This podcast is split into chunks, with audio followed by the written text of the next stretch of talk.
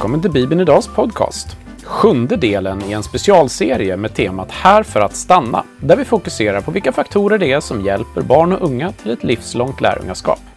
I dagens avsnitt möter ni Marie Arnfjäll. Jag som leder podden heter Olof Brandt.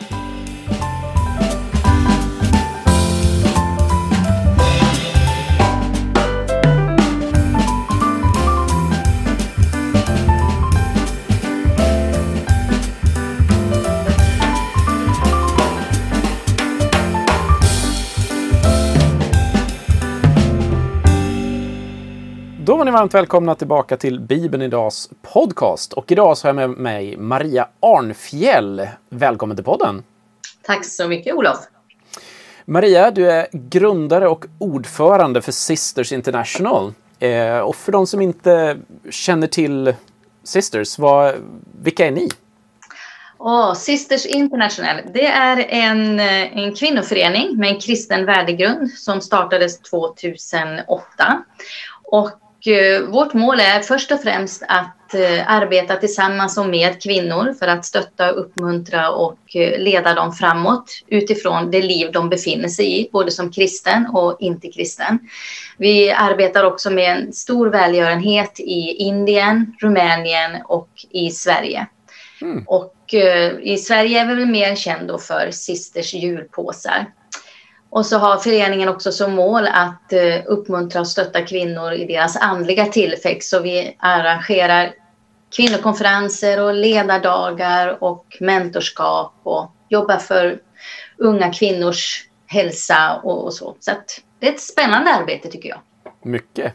Mm. Och eh, det du kom in på där på slutet är ju det som den här podden ska handla om idag. För att vi är ju inne i en serie där vi pratar om de här olika byggstenarna i Bibeln Idags projekt Här för att stanna. Och eh, om du kommer in här och eh, inte har lyssnat på de tidigare poddarna så skulle jag nästan rekommendera dig att hoppa tillbaka lite i arkivet på vår hemsida eller i Spotify eller var du lyssnar och lyssna igenom några av de tidigare också så att du har med dig vad Här för att stanna handlar om. För det kommer vi inte prata om idag. Eh, utan vi ska prata om mentorskap. Men Innan vi hoppar in i själva det temat så tänkte jag att vi måste ju få reda på lite mer om vem är Maria också? Hur, vem är du? Vad har din, hur har din resa sett ut till idag? Ja, jag, Marie. Jag heter Marie. Marie, förlåt. Ja, det är ingen fara. Eh, min resa, ja men den började i Gästrikland. Växte upp i ett litet brukssamhälle som heter Hofors. Och och eh, det var där jag kom till tro, hemma i vårt hem. Jag böjde knä på ett bönemöte när jag var 8-9 år ungefär och tog emot Jesus i mitt liv. Har vuxit upp med fyra syskon och mamma och pappa. Eh, blev faktiskt snabbt engagerad i församlingen och hjälpte till med både söndagsskola och, och sen ungdomsverksamhet och församlingen och så. Eh, upplevde tidigt en kallelse att tjäna Gud. Jag visste bara inte vad, men någonting visste jag att det skulle bli. Utbildade mig sen vidare, träffade Roger som jag är gift med och vi eh, har då arbetat bland annat som pastorspar i drygt 20 år. Och eh, de senaste 20 åren här så har vi arbetat med mission och evangelisation i Sverige och i andra länder. Eh, vi har fyra barn tre tjejer och en kille. Och vi har nio barnbarn, varav två stycken är bonus. Så jag njuter av livet, verkligen. Härligt. Ja, det är fantastiskt. De här barnbarnen, vet du, de gör ju allt. Jag måste, ja, men det, det går inte bara att beskriva, så det är helt fantastiskt. Uh, ja, och utöver det så jobbar jag med tidningen Junia som jag är chefredaktör för och ansvarig utgivare och Sisters International.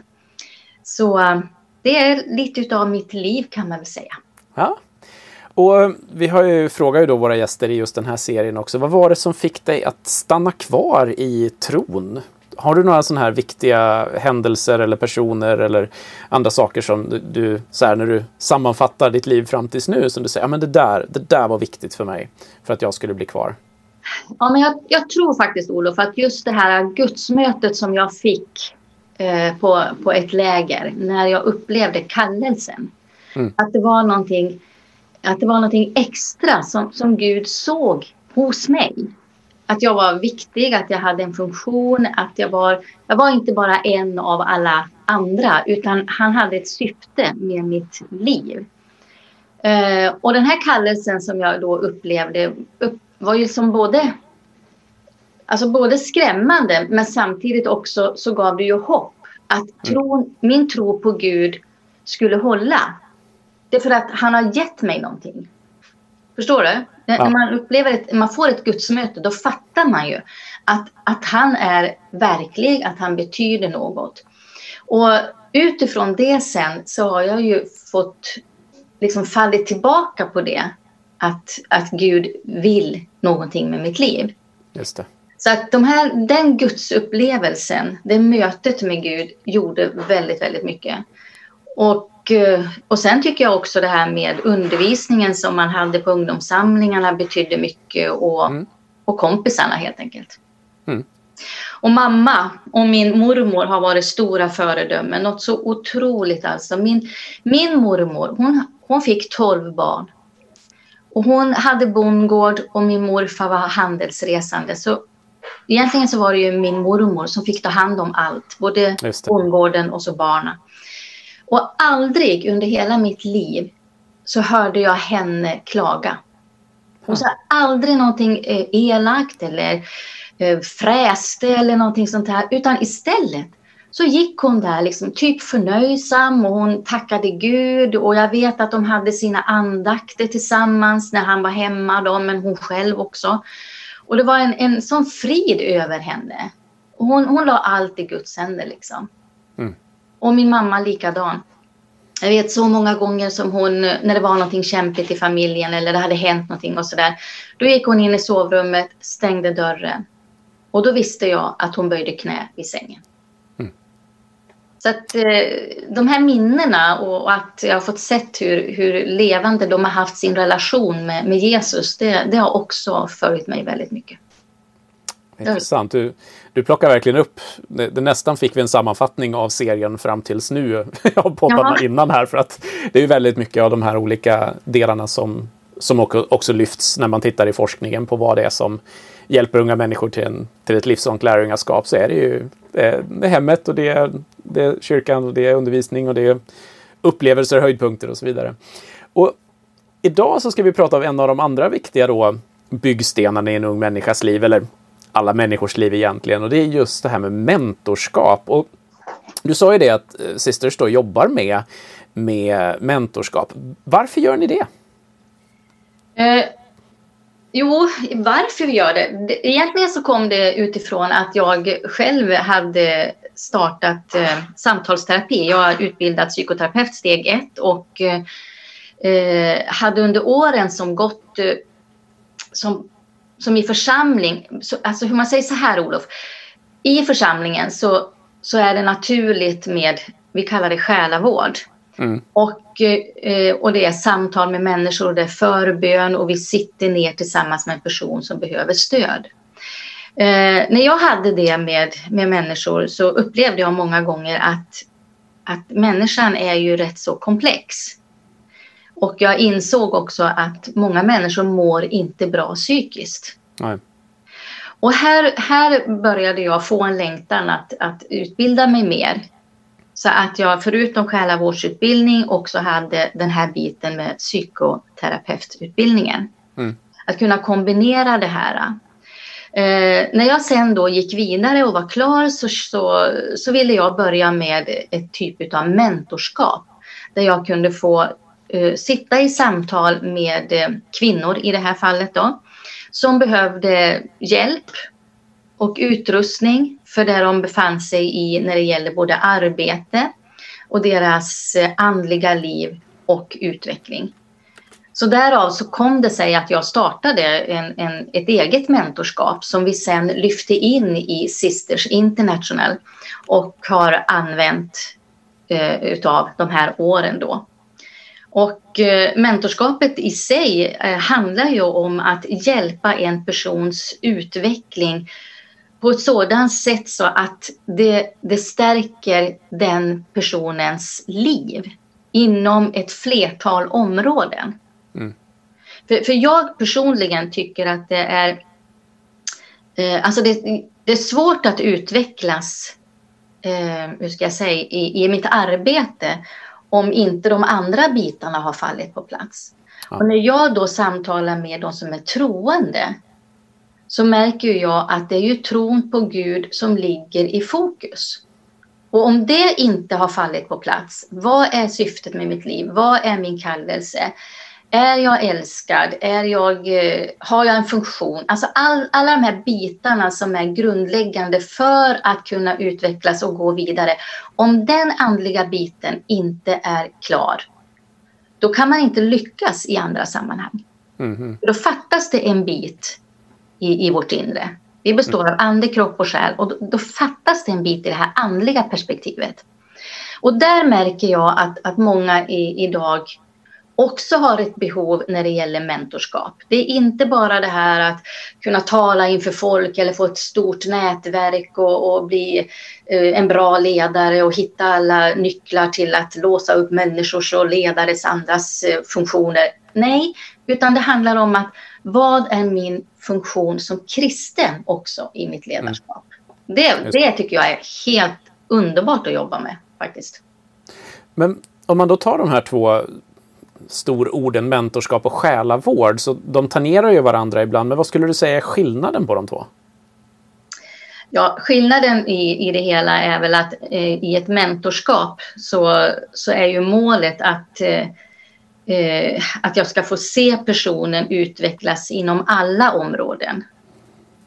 Om, om jag exempelvis har en adept som söker för att jag, jag skulle vilja utvecklas inom eh, att eh, ja, hitta, hitta ett bredare nätverk mm. så är det i första hand det som är fokus. Även om jag anser att de andra bitarna är väldigt viktiga för den personen. Men om det är det som mentorskapet söker då är, det, då är det det man lägger fokus på. Men när det gäller själavården så är det för mig att möta en person som har ett behov andligt. Som jag, som, som jag då behöver hjälpa personen med att komma till rätta med. Och här är ju bönen viktig. Guds ord är oerhört viktigt. Lyssnandet är jätteviktigt. Och närvarandet. Alltså en, en, det, det att vara där i nuet tror jag är viktigt för just själavårds, ur själavårdsperspektiv. Mm. Men de går lite in i varandra. Det är bara det att ha lite olika syften helt enkelt. Ja, just det.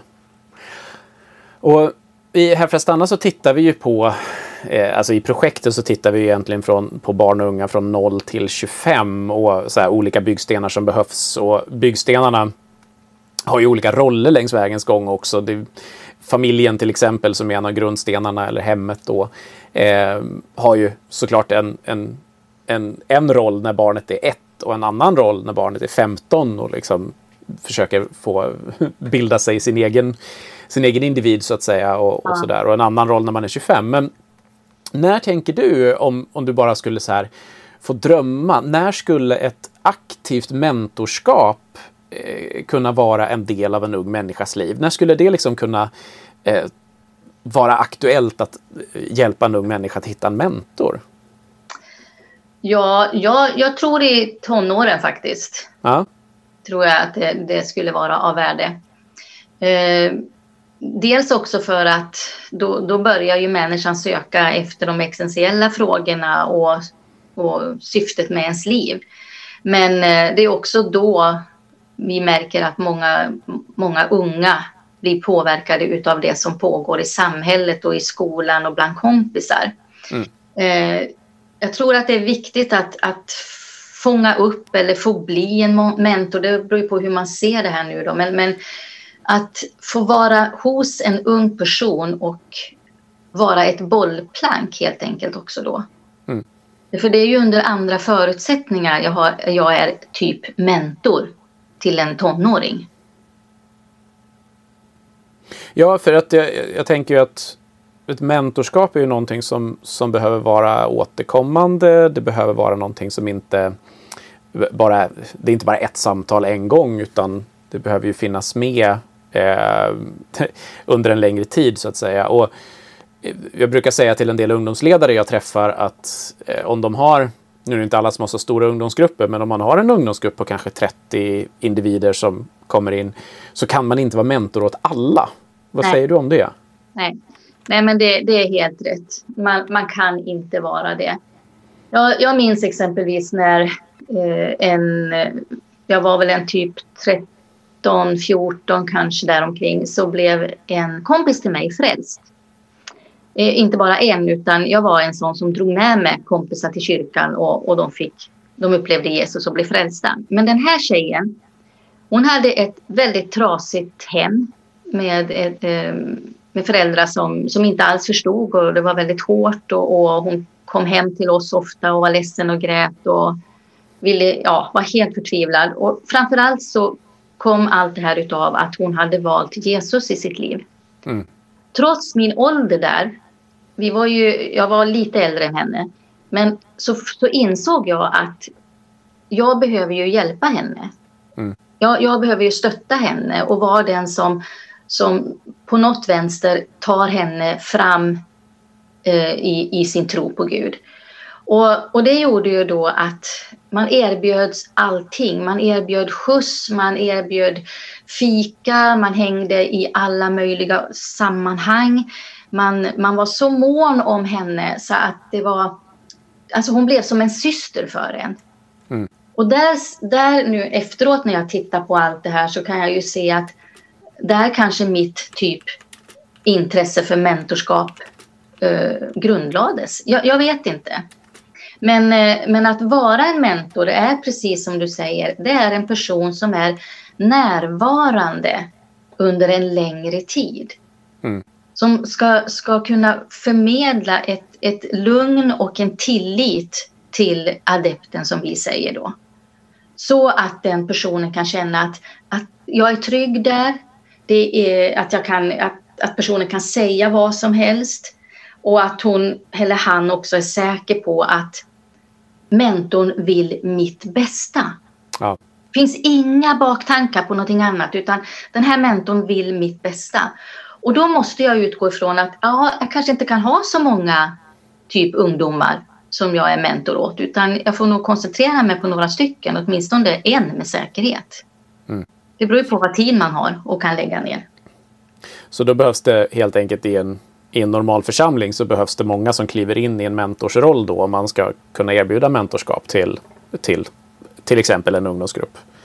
Absolut. Jag menar, här har ju många äldre en stor funktion eh, att fylla. Och eh, många, många äldre sitter ju med så mycket livserfarenhet utifrån det att jag tror att, att unga skulle uppskatta den livserfarenheten.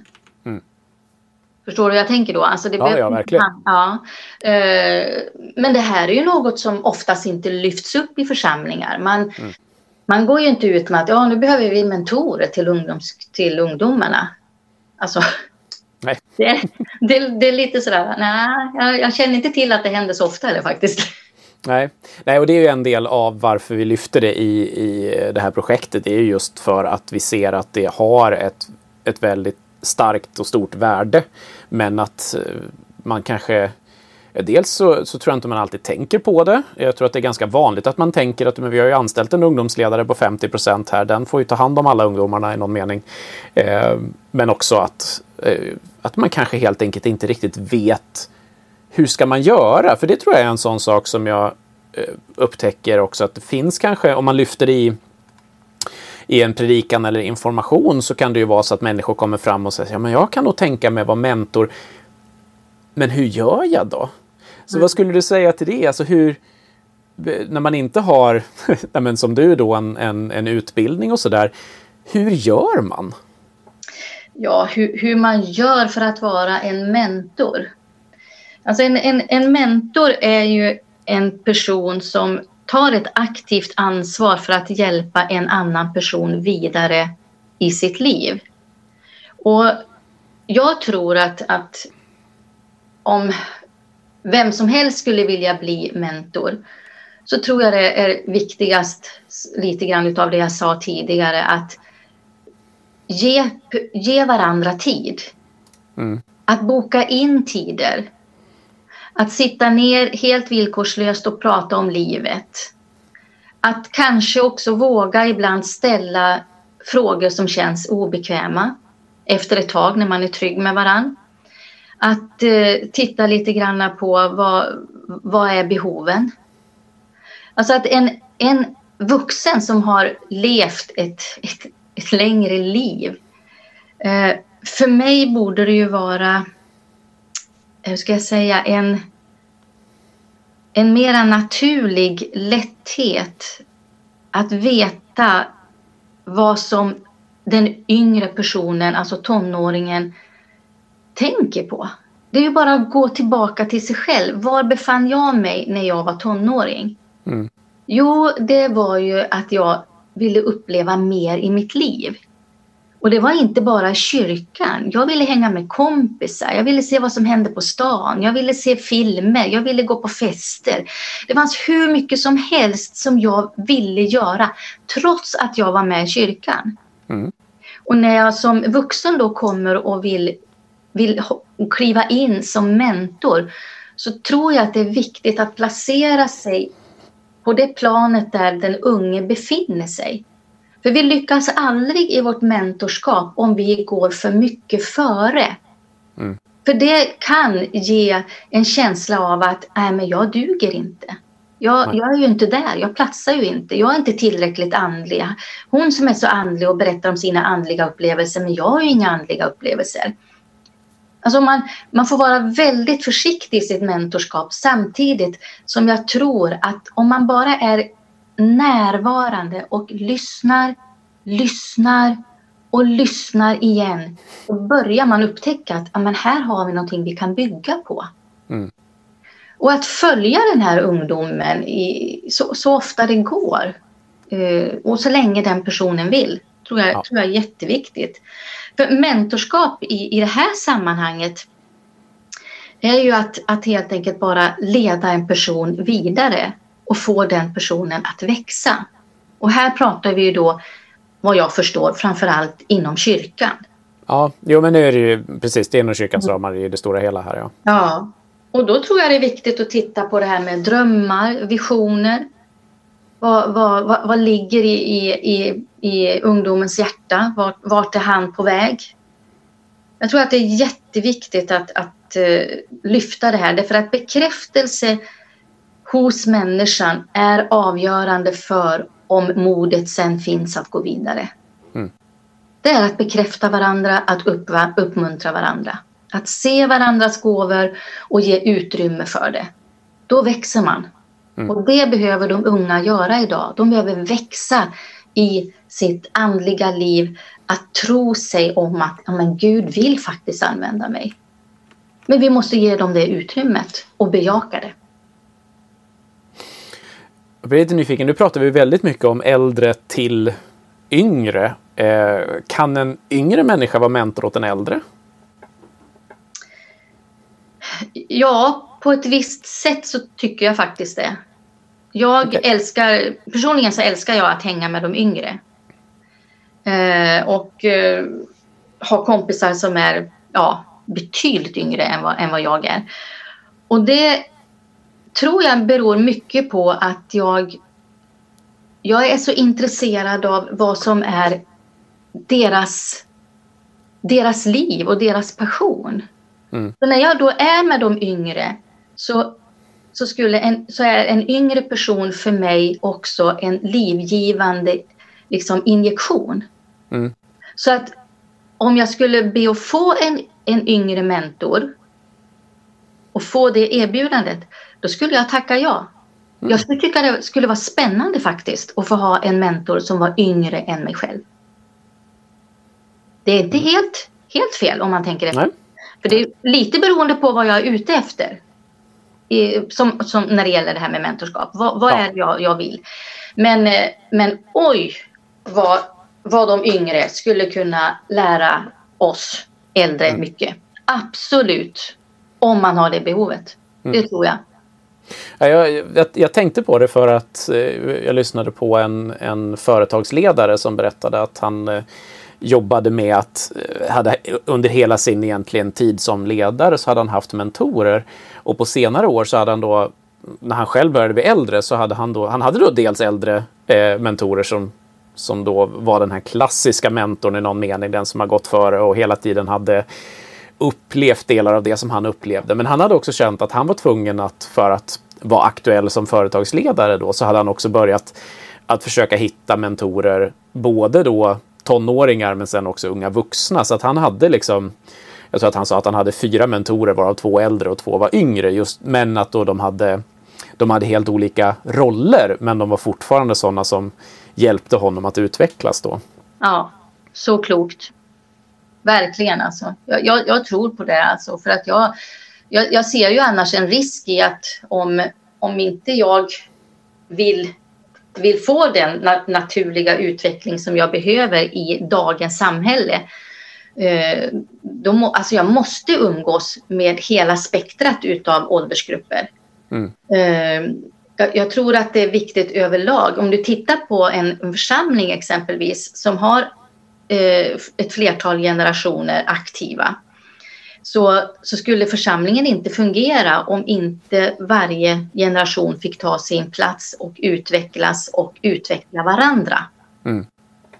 Eh, så att eh, nej, jag, jag ser en utmaning och en, en, en positiv eh, möjlig tillväxt i att ha en yngre mentor. Absolut. Mm. Det, det, tror jag på. Intressant. Ja. Vi har ju i eh, Här för att stanna så talar vi om, om ja, då, mentorskap är ju en av de åtta byggstenarna och sen har vi två grundstenar och de två grundstenarna eh, är ju då dels det som sker i familjen och hemmet. Det är otroligt viktigt i en ung människas utveckling och sen har vi då eh, det som vi kallar relationer över generationsgränserna och när det gäller mentorskap så är vi ju onekligen väldigt mycket inne på det. Eh, men jag har i de här poddarna kommit till då att, att försöka titta på vad kan de här två olika delarna, de här två olika grundstenarna, vad kan de göra för mentorskap så att säga? Så om man tittar då, vi kan börja med den här generation, relationer över generationsgränser, är ju precis det vi har pratat om i någon mening, men om man då tar församlingen som, som kropp, vad kan en församling göra eller ta för steg, tycker du, för att jobba mer med mentorskap?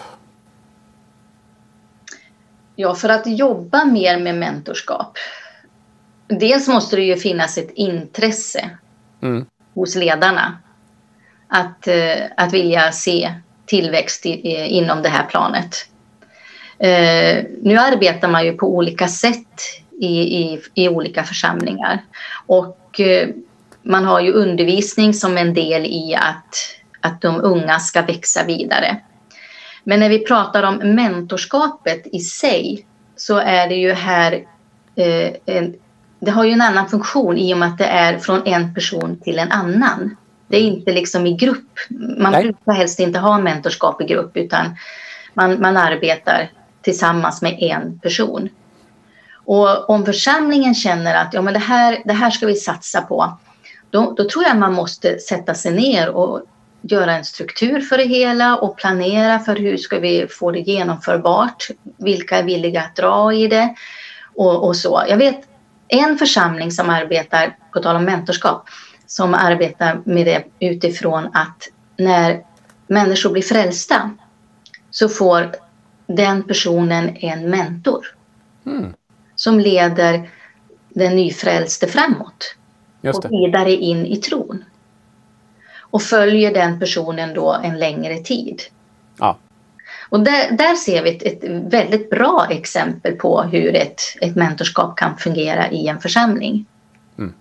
Eh, jag tror att det är viktigt att försöka se, se hur man kan utveckla det här för att eh, jag, jag, vet ju ibland att vi säger ungefär så här att ja, men om du tar med dig en kompis till kyrkan då är det du som blir ansvarig för den personen. Mm. Eller hur? Det, det, det, är lite hårt, eller hur? Det låter som okej. Okay. Ja. ja, jo visst, jag, jag, kan förstå att så, så, så det, det låter väl rimligt. Eh, och det betyder väldigt mycket och det har vi, det har vi sett i vår egen familj att, att så har det fungerat för våra barn och, och så. Men samtidigt så kanske det behöver kliva in en annan person som axlar det ansvaret och hjälper den här nya mm. ungdomen vidare in i kyrkans aktiviteter.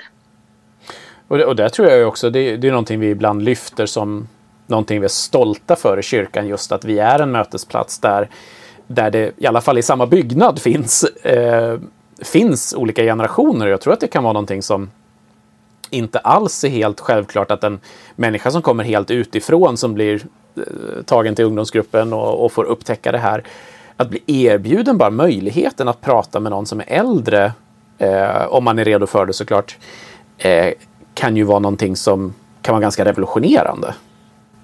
Ja, det tror jag. Därför att eh, lite av det vi ser i samhället idag är ju att ensamheten växer. Ja.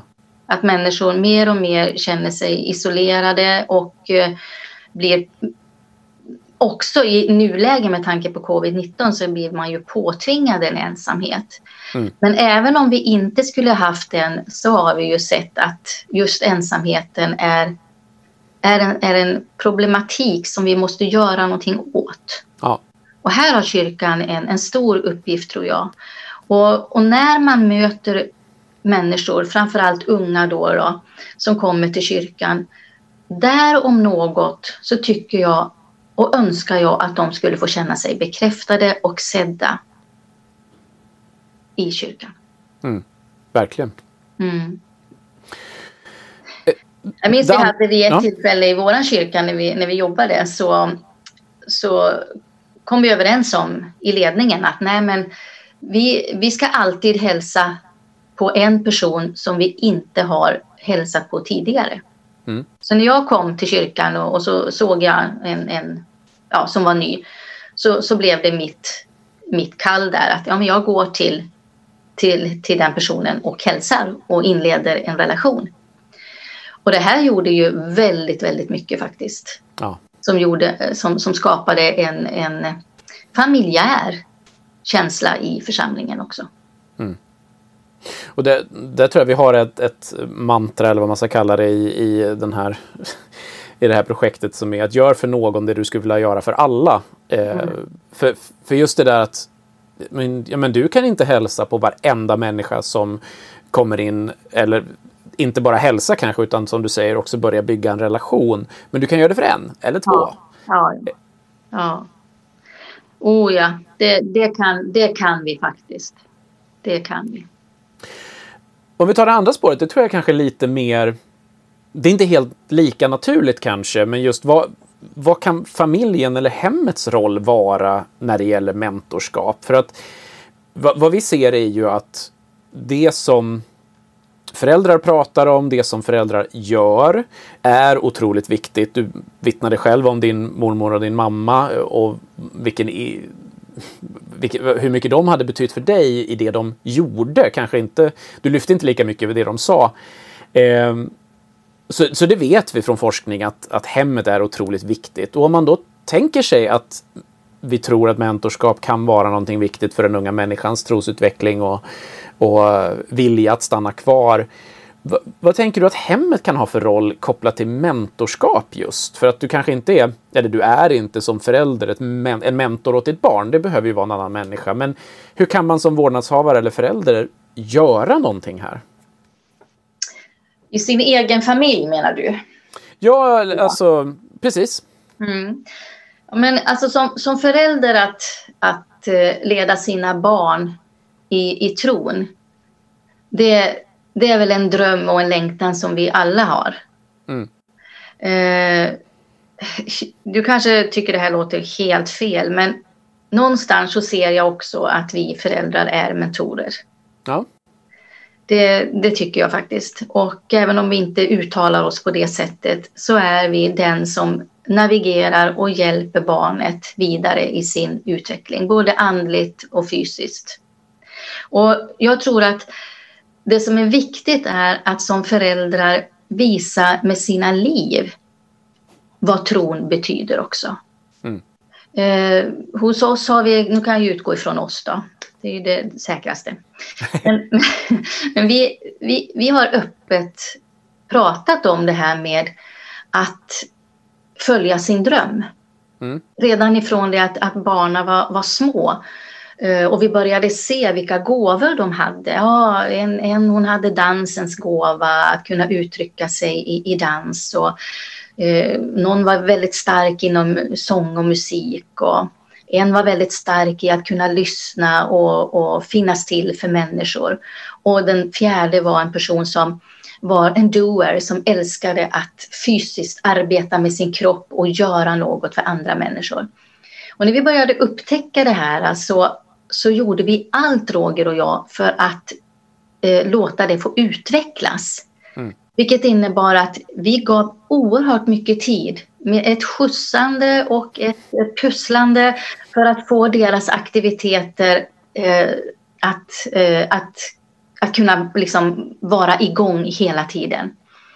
Eh, jag minns när en av våra barn som älskade att dansa kommer och säger att eh, hon vill tävla i SM. Och, och, och jag tyckte bara att men nu är du nog, den drömmen är nog lite för stor liksom, tänkte jag inom mig själv. Eh, men kände också då att nej, det här måste jag ju stötta. Mm. Hon, hon, hon är relativt ny inom dansen, har dansat några år och så här, men att kliva in och, och till SM och, och, vara med där, det var ett stort steg. Och hon lärde mig en väldigt, väldigt viktig grej. Och det var att när jag sa så här till henne, då, ska, då måste vi fixa så att du får, får kläder så att det ser bra ut. Mm. Och allt det här som man behöver. Mm. Då tittade hon på mig och så sa hon så här, du mamma sa hon, om det är det som ska avgöra om jag är bra på att dansa, då, då vill man ju inte vara med, sa hon. Jag tar det jag har hemma, ser till vad, och kollar vad, vad som finns, sa hon. Och där upptäckte jag att drömmen hade blivit levande. Mm. För drömmen var baserad på en inre vision, ett starkt driv som jag som förälder fick vara med och fullfölja. Hon tog guld i SM. Oh. Och det här, det här är en del i att vi Roger och jag är ju lite galna rent ut sagt. Alltså vi, vi vågar mycket. Vi, vi, vi tror Gud och mer, att vi inte är fullt tillräckliga. Om barnen också ska få uppleva det här att, att Gud är så stor och vill deras bästa, då måste de också få se det hos sina föräldrar. Mm. Att jag som mentormamman visar med mitt liv att det är möjligt. Du kan få bönesvar. Vi ber för det här. Vi pratar om vad som hände i skolan. Vi pratar om vad, vad, vad som är svårt, vad du inte tycker om, varför du tvivlar, att du är rädd för döden. Vi nämner allt det här vid namn och jag som mentormamma får vara en del i att se och vara med utvecklingen i ditt liv. Mm. Jag minns vid ett tillfälle också så, så var det ett av barnen som fick en fruktansvärt svår magsjuka. Det var bland det värsta jag har sett. Så vred sig i plågor och, och det, var, det var inte trevligt alltså. Helt plötsligt bara så skriker han rätt ut när han ligger där i sängen bara. Gud, hjälp mig! skriker han. Och så går det bara några minuter så somnar han och sover resten av natten. På morgonen när han vaknar är han fullt frisk. Och jag ser i hans ögon, de är alldeles blodsprängda för att han har haft sån verk och haft sån kramp. Så han, så, förstår du hur ont han har haft? va? Mm. Jag fattar ju. Den händelsen där han fick tydligt ett, en bekräftelse på att bönen är viktig. Det här gudsmötet som vi talar om. Eh, det tror jag har varit en del i hans andliga utveckling. Mm. Verkligen.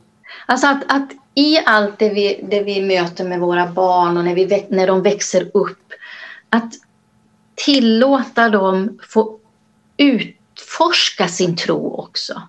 Men att jag som förälder är närvarande i det.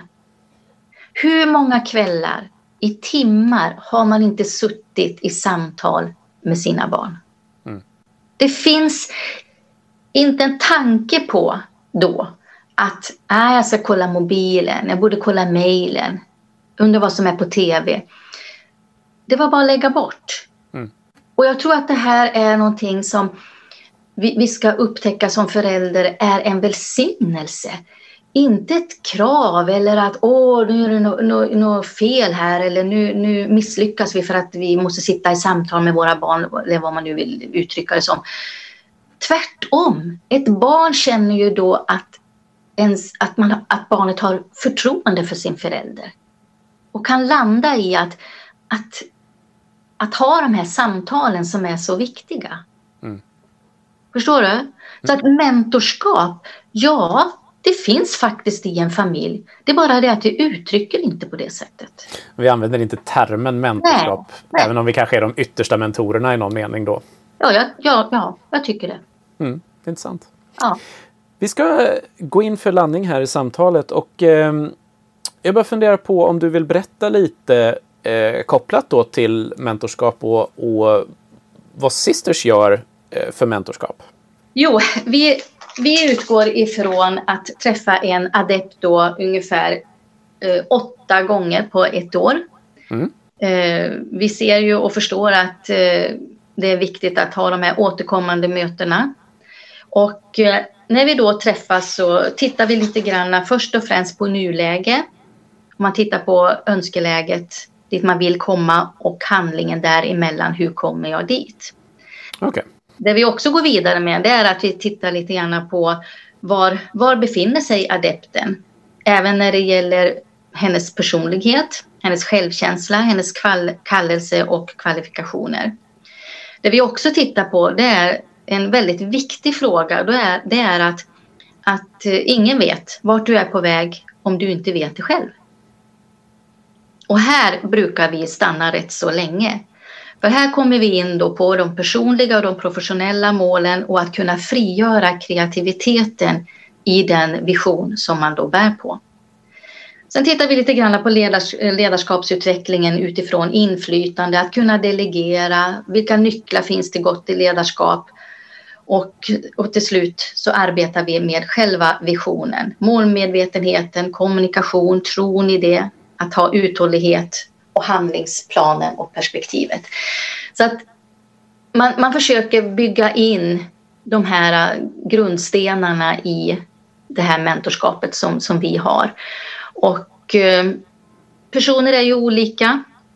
Eh, och man, man söker för olika saker men, men i det stora hela så, så har vi sett en fantastisk utveckling och ett, eh, väldigt många positiva gensvar till att man kan gå eh, och ha en, en, ett mentorskap.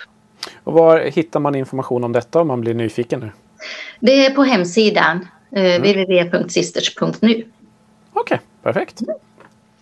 Men då tackar jag dig så jättemycket för din tid och för att du har varit med i det här samtalet och så hoppas jag verkligen att eh, ni som lyssnat har blivit både utmanade till att kanske söka en mentor eller att bli en mentor för att det behövs ju onekligen mentorer både för ja, för alla.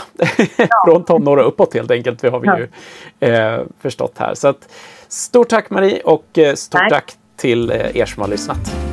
Tack, tack.